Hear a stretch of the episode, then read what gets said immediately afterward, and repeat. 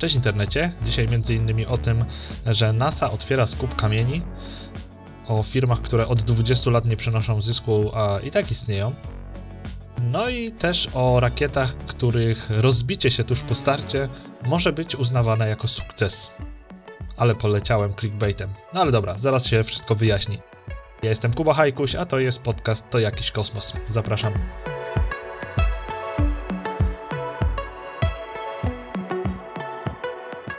Zaczniemy na rozgrzewkę może od jeszcze innej rzeczy.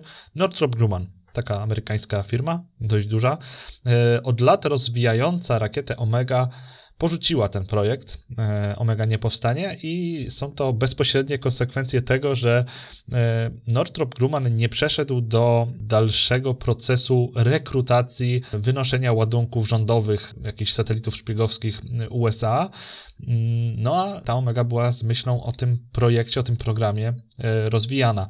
Kontrakt podpisał United Launch Alliance ze swoją nową rakietą Vulcan i SpaceX z Falconem Heavy a Omega niestety się nie zakwalifikowała, podobnie jak New Glenn od Blue Origin. Na szczęście dla Northrop Grummana ten smutek po, e, po tym nieudanej kwalifikacji e, trwał krótko, bo e, właśnie się dowiedzieliśmy, że Northrop Grumman zmodernizuje arsenał nuklearny, może nie sam arsenał nuklearny i jakby te głowice bojowe, e, ale opracuje nowe pociski ICBM dla e, USA. No i to jest kontrakt o no, astronomicznej kwocie, bo zgarną za to ponad 13 miliardów dolarów. I myślę, że to mógł być e, główny powód tego, że Northrop Grummanowi nie bardzo przeszkadzała utrata finansowania Omegi, więc teraz skupią się na bardziej militarnej części E, swoich rakietowych tematów, chociaż nadal są oczywiście e, podwykonawcą e, w projekcie lądownika księżycowego razem z właśnie z Blue Origin. A zostając jeszcze właśnie przy Northrop Grummanie, to za dwa tygodnie, 29 września, odbędzie się misja NG-14, misja zaopatrzeniowa do ISS, no bo Northrop Grumman Oczywiście ta Omega to nie była ich pierwsza rakieta. Mają w swojej stajni Antaresa, i ta rakieta wynosi zaopatrzeniowy statek Cygnus na Międzynarodową Stację Kosmiczną. No i właśnie za dwa tygodnie, 29 września, będziemy mieli start tego Cygnusa. Northrop Grumman ma taki fajny zwyczaj, że te misje Cygnusa, e, oprócz tego, że mają oczywiście to swoje oznaczenie, to są nazywane po e, osobach związanych e, z eksploracją e, kosmosu. No i ta misja będzie nosić imię Kalpany Chali. Była to astronautka hinduskiego pochodzenia, która brała udział no, w ostatniej tej niestety fatalnej misji promu Columbia, który rozbił się w 2003 roku. No i właśnie Cygnus będzie poświęcony tej astronautce. A kontynuując newsowe tematy, to w zeszłym tygodniu ktoś rzucił na Twittera info, że Blue Origin skończyło właśnie 20 lat. No i z jednej strony wypada pogratulować, ale z drugiej strony zapytać, e, o co kaman. E, firma Jeffa Bezosa e, skończyła 20 lat. Jest to firma, która no, miała dostarczać ładunki na orbitę, miała służyć turystyce kosmicznej, no a po tych 20 latach, jak na razie mamy tylko statek, nie statek, rakietę, no rakietę z kapsułą. E, New Shepard, która służy do takich lotów suborbitalnych, czyli leci pionowo w górę, przekracza linię kosmosu, no i potem spada sobie z powrotem na Ziemię. No i na dzień dzisiejszy nie było żadnych turystów, żadnej załogi w tej kapsule. Oczywiście były świadczone usługi dla NASA z eksperymentami umieszczanymi w tej kapsule, no ale wydaje mi się, że jak na 20 lat e, działania, to trochę może być za mało, więc no te oczekiwania są zdecydowanie większe. W przyszłym roku ma lecieć rakieta New Glenn, e, spora rakieta, więc jeżeli to się uda, to rzeczywiście Blue Origin zacznie e, z grubej rury to swoje działanie w końcu po tych 20 latach. Mam nadzieję, że zobaczymy New Glena, bo ogólnie 2021 to ma być rok różnych premier, między innymi właśnie tego New Glena. E, a jeżeli chodzi o też spore oczekiwania, to mm, drugim takim jest firma Virgin Orbit, e, firma Bransona, też multimilionera, który podzielił się takim info, że w Virgin Orbit i ich rakietę Launcher One włożono już 700 milionów dolarów, co też jest no, mało pozytywną informacją, bo e, SpaceX e, no, odpalało ze 100 milionami dolarów i w ramach tego budżetu udało im się wystrzelić pierwszą rakietę. Podobnie mm, Rocket Lab, no tam też te środki na wystrzelenie pierwszej rakiety orbitalnej, no to były takie właśnie porównywalne ze 100, 100 milionami miał 100 milionów dolarów na początku, e, więc no te 700 milionów już utopione w Launcher One, który no jest na razie po jednym teście takim e, nieudanym. Będziemy w tym roku mieć jeszcze przed końcem roku drugie uruchomienie tej, tej rakiety. To jest rakieta, no lekka rakieta e, podwieszana pod Boeinga i zrzucana z dużej wysokości, więc ona sobie już w takich bardziej rakietowo-komfortowych warunkach zaczyna pracę, ale to jest no zdecydowanie za dużo środków utopionych e, w development. No a efekty na razie są jakie są. Zobaczymy, zobaczymy. Dalej, NASA chce e, otworzyć skup e, kamieni księżycowych. To jest trochę, trochę wydaje się na początku dość zabawny news, ale pokazuje zmianę podejścia do eksploracji kosmosu, bo NASA chce zmotywować prywatne firmy do tego, żeby realizowały coraz więcej takich e, projektów, e, którymi no, nie będzie musiało zajmować się NASA. No i mamy na przykład e, Commercial Lunar Payload Services, czyli taki program, gdzie mm, NASA będzie sobie chciało wysłać na Księżyc jakiś eksperyment i nie chce zajmować się tym etapem transportu i lądowania na Księżycu, tylko chce mieć ten eksperyment tam umieszczony i to mają od A do Z ogarnąć prywatne firmy te, ten program właśnie został poszerzony o coś takiego, znaczy może nie konkretnie ten program, ale właśnie w ramach programu Artemis, czyli powrotu na Księżyc, e, NASA chce teraz zrobić coś takiego, że będą odkupywać od prywatnych firm, które wylądowały na Księżycu, nawet tych nieamerykańskich, regolit. W tym momencie ten projekt jest bardziej taki, ma tak motywować tylko te firmy, bo faktycznie yy, na razie nie będzie to polegało na przywożeniu czegokolwiek z powrotem na Ziemię, tylko te firmy, które się zakwalifikują, yy, dostaną najpierw 10% e, kwoty za to, że się zakwalifikowały, czyli no, przeszły taką wstępną rekrutację NASA, potem kolejne 10% za to, że ten swój lądownik księżycowy e, wystrzeliły. I w momencie, kiedy uda im się pobrać jakiś, e, jakąś tą próbkę na księżycu, to dostaną pozostałe 80% i to będzie takie no, wręcz symboliczne przekazanie własności tego, tych próbek, tego gruntu e, na rzecz NASA. No tylko, że ten grunt dalej zostanie jakby w rękach tego lądownika, tego urządzenia, które tam wylądowały, wylądowało.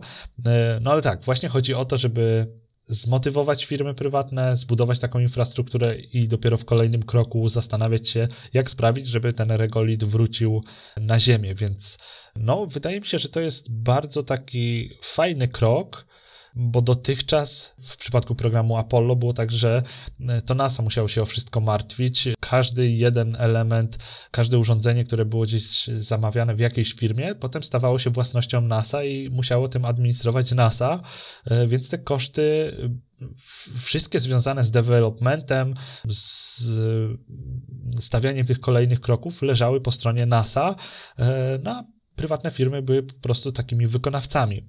A teraz te, ta infrastruktura ma być na barkach e, prywatnego sektora, a e, NASA chce sobie e, kupować takie poszczególne usługi i wydaje mi się, że no to może bardzo pozytywny dać efekt, no bo takim flagowym przykładem sektora prywatnego, który dowozi NASA usługi, a zajmuje się całkowicie swoim podwórkiem, jest SpaceX. E, no i na przykład te niedawne e, loty na Międzynarodową Stację Kosmiczną, które e, ruszyły, więc no spoko, spoko. Trzeba, trzeba za to trzymać kciuki. No a jeszcze przy okazji tego programu e, Artemis e, Commercial e, Lunar Payload Services, to Astrobotic, czyli jedna właśnie z prywatnych firm, która buduje lądownik księżycowy Peregrine, pochwaliła się niedawno, że jest już po testach, po symulacji startu swojego lądownika na pokładzie rakiety Vulkan, czyli zrobiono takie testy laboratoryjne, strukturalne, czy ten lądownik no, sobie poradzi w tej, w tej fazie startu, czy wszystko będzie z nim ok.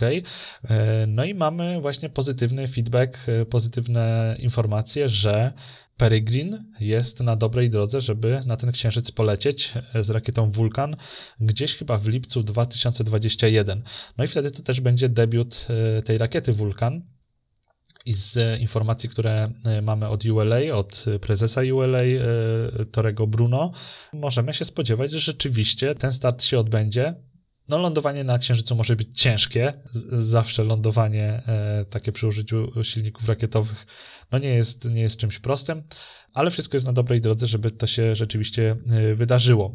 Oprócz tego Peregrina, na Księżyc poleci też lądownik Intuitive Machines, y, lądownik się nazywa Nova C i poleci sobie Falconem 9, a y, miesiąc temu dowiedzieliśmy się, że y, kolejny lądownik od Masten Space, lądownik XL1, dostał swojego kucyka, wybrano mu kucyka, no i to też jest Falcon 9, więc mamy już trzy firmy z lądownikami księżycowymi, z wybranymi rakietami, które pracują nad tym, żeby w najbliższym czasie ten księżyc osiągnąć z eksperymentami NASA i co pozytywne, znowu, to nie jest tak, że te lądowniki, te, te swoje ładownie y, mają przewidziane tylko dla NASA. NASA kupiło jakieś miejscówki, ale te firmy mają również y, dowolność w y, umieszczaniu komercyjnych eksperymentów na swoich pokładach, więc mogą sprzedać miejsce jakimś uczelniom, firmom, no każdemu, kto będzie chciał eksplorować księżyc i coś tam podziałać.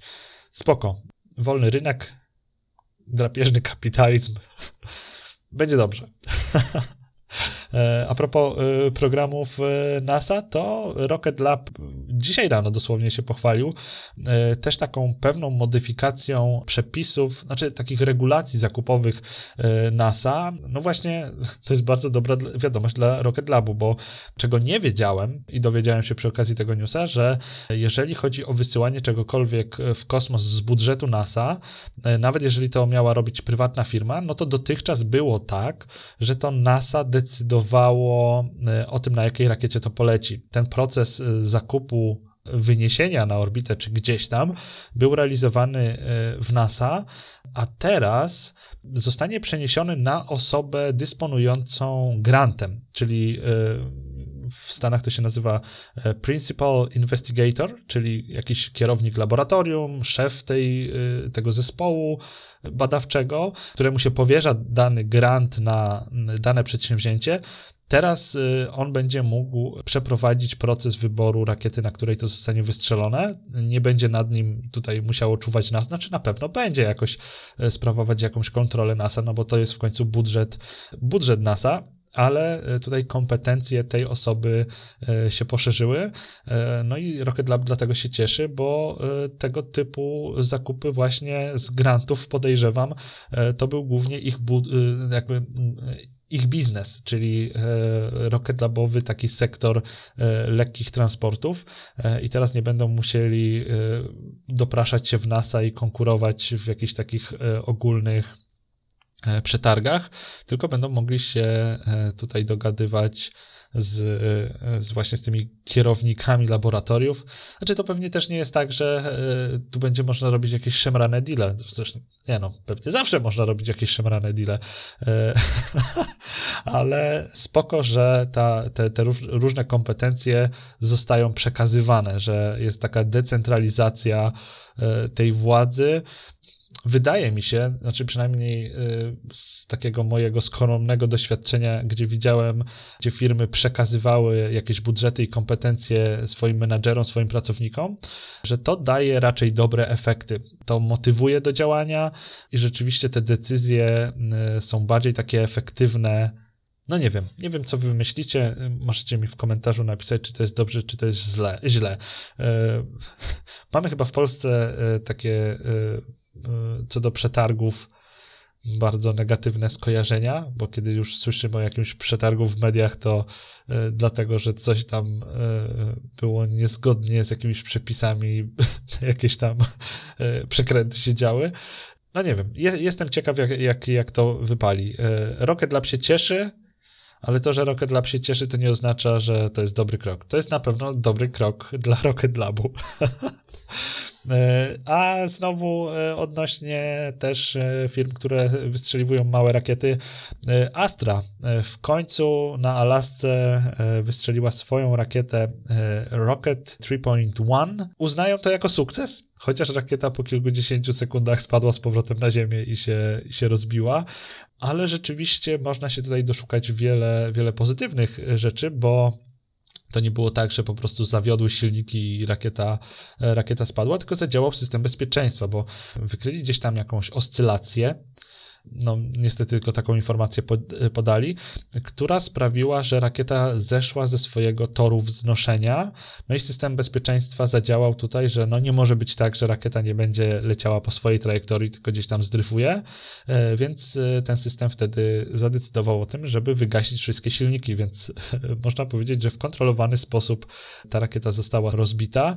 E, szkoda, że po tak krótkim czasie, że no niestety nie doczekała separacji stopni, żeby ten drugi silnik górnego stopnia mógł się wykazać. Szkoda, ale Astra twardo twierdzi, że e, jest to prawie sukces. E, będą analizować dane i już są w, w trakcie budowy kolejnej rakiety.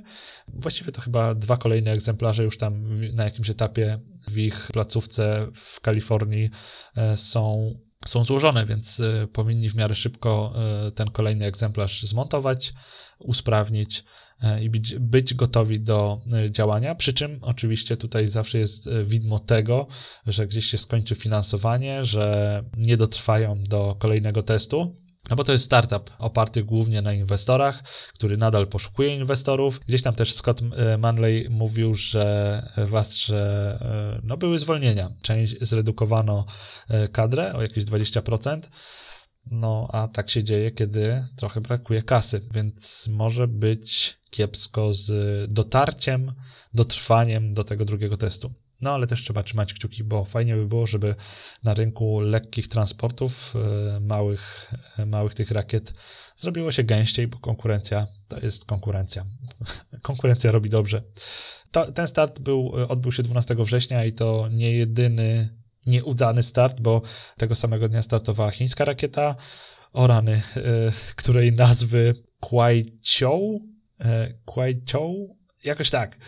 No, e, rakieta, która e, głównie składa się z segmentów na paliwo stałe, e, też uległa awarii i, nie weszła na, na orbitę. Niestety tutaj nie znam żadnych szczegółów, poza tym, że start zakończył się niepowodzeniem. Szkoda, szkoda. No cóż, no ale tak jest. Niektórzy lecą do góry, a niektórzy, e, niektórym się nie udaje. E, no, w przypadku Delty, e, której start był jakiś czas temu, na szczęście rakieta została na platformie startowej, nie wzniosła się w ogóle, no bo system bezpieczeństwa wykrył usterkę i wygasił silniki, zanim mogłoby dojść do jakiejś awarii. A dowiedzieliśmy się, dlaczego ta Delta nie poleciała, bo analiza na platformie startowej, znaczy tak było, nie było awarii e, jakby w samej rakiecie, e, tylko zawiodła platforma startowa. Tam się pojawił e, problem w instalacji pneumatycznej, no i dlatego komputer zadecydował o tym, żeby rakietę wygasić, zatrzymać ten, ten start, e, żeby coś złego się nie podziało e, podczas uwalniania rakiety z platformy. E, no i Tory Bruno wrzucił info na Twittera, że znaleźli sprawcę.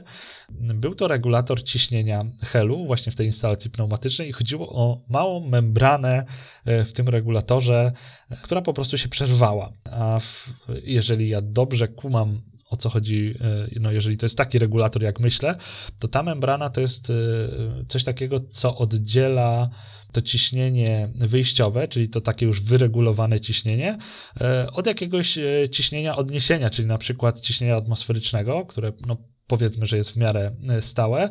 No i ta membrana w zależności e, od tego ciśnienia jakoś tam się e, odchyla i dzięki temu może otworzyć zawór dopływu tego ciśnienia helu takiego wysokiego. No bo w tej instalacji dopływowej, no to ciśnienie no jest zawsze różne, no bo tam jakieś pompy działają, więc podbijają to ciśnienie, kiedy, kiedy go braknie, więc w dopływie to ciśnienie jest takie nieregularne, no i ten regulator ma sprawić, że na wylocie będzie wszystko ok. No i ta mała membrana się gdzieś nam przedarła, więc przez to cała ta instalacja nie mogła korzystać z wystabilizowanego ciśnienia.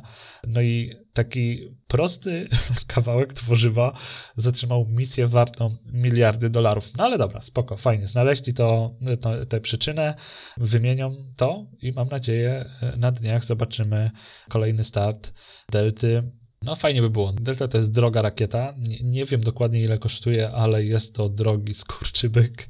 E, no i lata też e, bardzo nieczęsto, więc warto sobie Deltę zobaczyć. Zwłaszcza, że to, to jest fajny spektakl e, z tym takim podpaleniem rakiety tuż przed startem. No miejmy nadzieję, że ULA się w, w miarę szybko z tym upora i, i Delta poleci.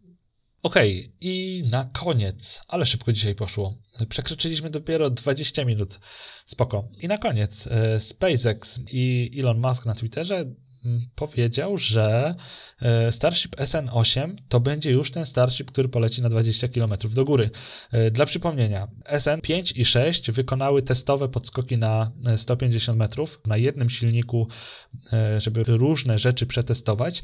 SN7 będzie spisany na straty, bo po prostu napełni się go te, te zbiorniki do pełna i będzie się testować, jak dużo ciśnienia wytrzymają, żeby, żeby te zbiorniki zostały aż zniszczone, więc SN7 zostanie poświęcony, a SN8 ma być e, tym egzemplarzem, który wzniesie się na 20 km, prawdopodobnie na trzech silnikach, z całym, e, z całym tym dodatkowym osprzętem, czyli będzie miał e, ten czubek, tę owiewkę, czy jakbyśmy to tam nie nazywali, i te klapy, czyli takie coś, co wygląda jak takie skrzydełka do, y, do stabilizowania statku podczas y, spadania y, w atmosferze.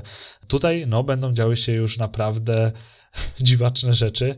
Ten podskok na 20 km jest przeprowadzony po to, żeby to potem mogło sobie spaść bez silników i, i móc tak, może nie szybować, ale stabilizować ten, e, ten swój spadek tymi klapami, tymi skrzydłami e, i potem tuż przed, e, tuż przed upadkiem odpalić znowu silniki, obrócić się o około 90 stopni i wylądować z powrotem w takiej pozycji, w jakiej ten Starship startował. I to jest generalna koncepcja tego, jak w przyszłości mają działać te Starshipy. Ta część z przedziałem towarowym, czyli to, co teraz widzimy, będzie tak powracać z orbity, że po wejściu w atmosferę i wytraceniu tej największej części prędkości i potem ten ostatni e, etap spadać, stabilizując się klapami. Myślę, że w przeciągu miesiąca bylibyśmy w stanie to, to zobaczyć bo potem też y, pod koniec tego roku, październik, listopad, ma być kolejna taka prezentacja systemu e, Starship i wszyscy spodziewają się, a właściwie to chyba też nawet Elon Musk napisał, że chciałby, żeby na tegorocznej prezentacji powstał już e, pierwszy prototyp boostera Super Heavy. No bo ten system Starship ma się składać właśnie z tego, co teraz testują, czyli ze Starshipa, czyli tak jakby drugiego stopnia tej rakiety, a wynosić to na orbitę ma pierwszy stopień, czyli e, booster Super Heavy. No, ogromna, wielka rura z kilkudziesięcioma silnikami no i plan jest taki, żeby na tegorocznej prezentacji już ta rura wielka powstała, żebyśmy chociaż zobaczyli, jak to będzie wyglądać. W zeszłym roku y, zrobiono podobnie na tej prezentacji zeszłorocznej. Dążono do tego, żeby y, skompletować Starshipa, czyli drugi stopień, żeby w takim docelowym kształcie y, stał sobie podczas tej prezentacji. On potem został bardzo szybko zniszczony podczas testów, ale na prezentacji kompletne urządzenie, znaczy tak wizualnie kompletne urządzenie zostało postawione. No i w tym roku fajnie było zobaczyć e, pierwszy stopień, który jest no, gigantycznym elementem, a jeżeli jeszcze to złożą jedno na drugie, to naprawdę zobaczymy tam podczas prezentacji wielki stalowy wieżowiec. Dobra, to chyba tyle, jeżeli chodzi o newsy z tego tygodnia. E, przelecieliśmy sobie, postaje mi się. A no, przepraszam bardzo, przecież wczoraj zakończył się Rover Challenge w Kielcach. Impreza, która zaczęła się w piątek, trwała przez sobotę i niedzielę. Jedyna impreza na świecie łazikowa, zawody łazików marsjańskich, która faktycznie się odbyła, bo ze względu na pandemię inne imprezy poodwoływano, no bo drużyny z całego świata musiały się zjechać w jedno miejsce i tymi swoimi łazikami operować, ale organizatorzy znaleźli na to sposób. Drużyny nie wyjeżdżały ze swoich krajów. Stworzono tor marsjański, został postawiony tam jeden łazik, no umieszczony tam przez organizatorów i drużyny mogły sobie rywalizować zdalnie, pisząc oprogramowanie i wysyłając e, do tego łazika z całego świata. Super to ogarnęli. Szósta edycja. Zespół z Niemiec. Erik zajął pierwsze miejsce, potem drugie ekipa z Czech, Team Roverowa, a na trzecim miejscu egzekwo e, ekipa z Indii i z Kolumbii, Antariksz z Indii i z Kolumbii, Robocol, trudne nazwy, e, z moją dykcją, fajnie, spoko. Gratulacje dla zwycięzców i dla wszystkich uczestników. No bo w tym roku właśnie ta formuła była inna i była dość sporym wyzwaniem, tak samo pewnie jak drużyny, jak i jeszcze bardziej dla organizatorów. Dobra, to tyle w dzisiejszym podcaście. Możecie zawsze wpadać na e, Facebooka, Instagrama, Twittera, oczywiście na stronę www to jakiś kosmos. Trzymajcie się, do usłyszenia. Jestem Kuba, a to był podcast To jakiś kosmos. Hej!